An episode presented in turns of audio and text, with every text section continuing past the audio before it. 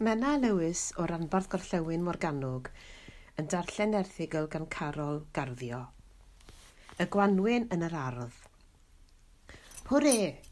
Gobeithio cawn ffarwelio efo tywydd gwlyb a diflas y geiaf, ac edrych ymlaen at wirni ffres a lliwiau llachar y Gwanwyn.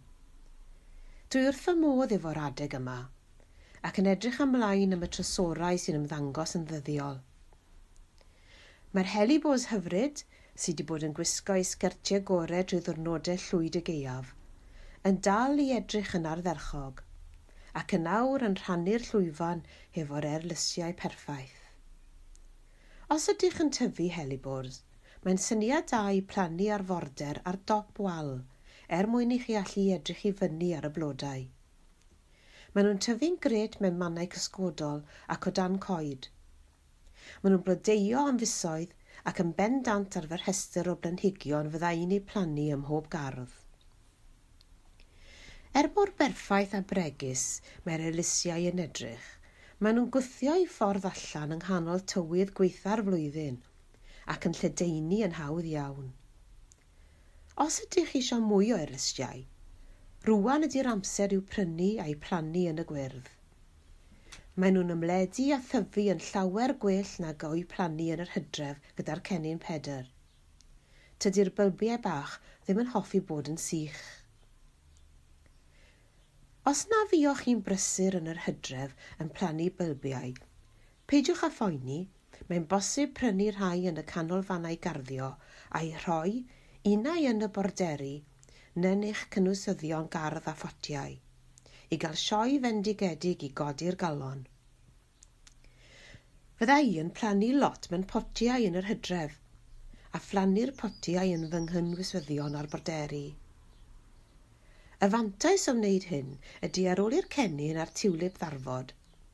Medrwch godi'r cwbl allan o'ch potiau a'ch borderi a'i rhoi mewn lleoliad o'r golwg i adael iddyn nhw farw lawr – ac i'r holl wyrddni gael ei droi yn fwyd i fwydio'r bylbiau ar gyfer y flwyddyn nesaf. Mae hi hefyd yn syniad da i bwydo efo gwrtaeth hylif am oddeutu 5 i 6 wythnos yn ystod y cyfnod yma. Bydd hyn yn annog datblygu bylbiau a blodau cryf. Peidiwch da chi a thorri'r gwirni i ffwrdd. Gadewch iddyn nhw farw lawr yn naturiol – Yr unig beth yw dorri ffwrdd ydy'r hen bennau blodau, er mwyn sicrhau nad ydyn nhw'n gwastraffu egni wrth greu hadau. Fel mae'r tymor yn byrlymu yn ei flaen, mae'n amser tocio a thacluso planhigion. Fydda i ddim yn tocio planhigion yn yr hydref er mwyn sicrhau os fyddwn ni'n cael rhew a geiaf caled – mae'r hen dyfiant fydd yn cael ei effeithio gan ddiogelu tyfiant newydd meddal. Pan fydd yr hew mwyaf wedi darfod, mae hi'n amser i docio a thacluso unrhyw blanhigion yn cynnwys gweiriach o bob math cyn i'r tyfiant newydd dyfu.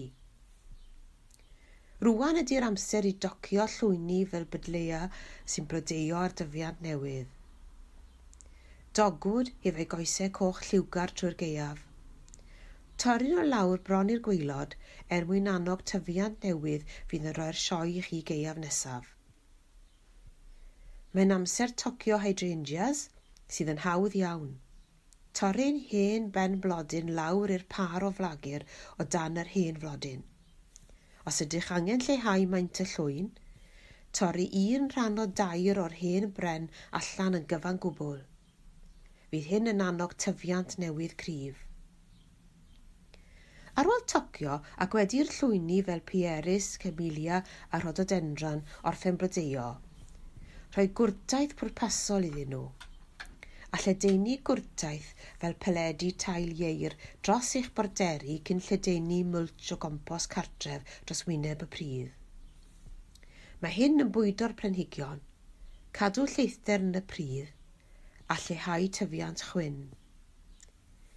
Peidiwch â thocio unrhyw blanhigion sy'n blodeuo yn y gwanwyn nes ar ôl iddyn nhw flodeuo.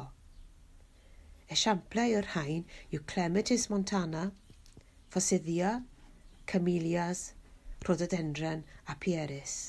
Os yn tocio, torri unrhyw dyfiant sy'n tyfu ar draws ei gilydd, wedi newidio, tyfiant gwan a hen dyfiant.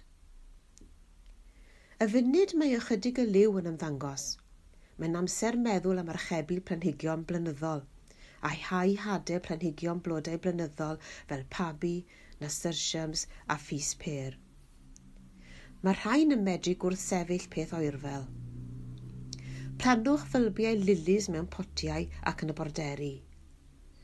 Planwch ddwy a hanner ddymder y bylbiau mewn compost hefo digon o grit ynddo. Maen nhw angen dreiniad da.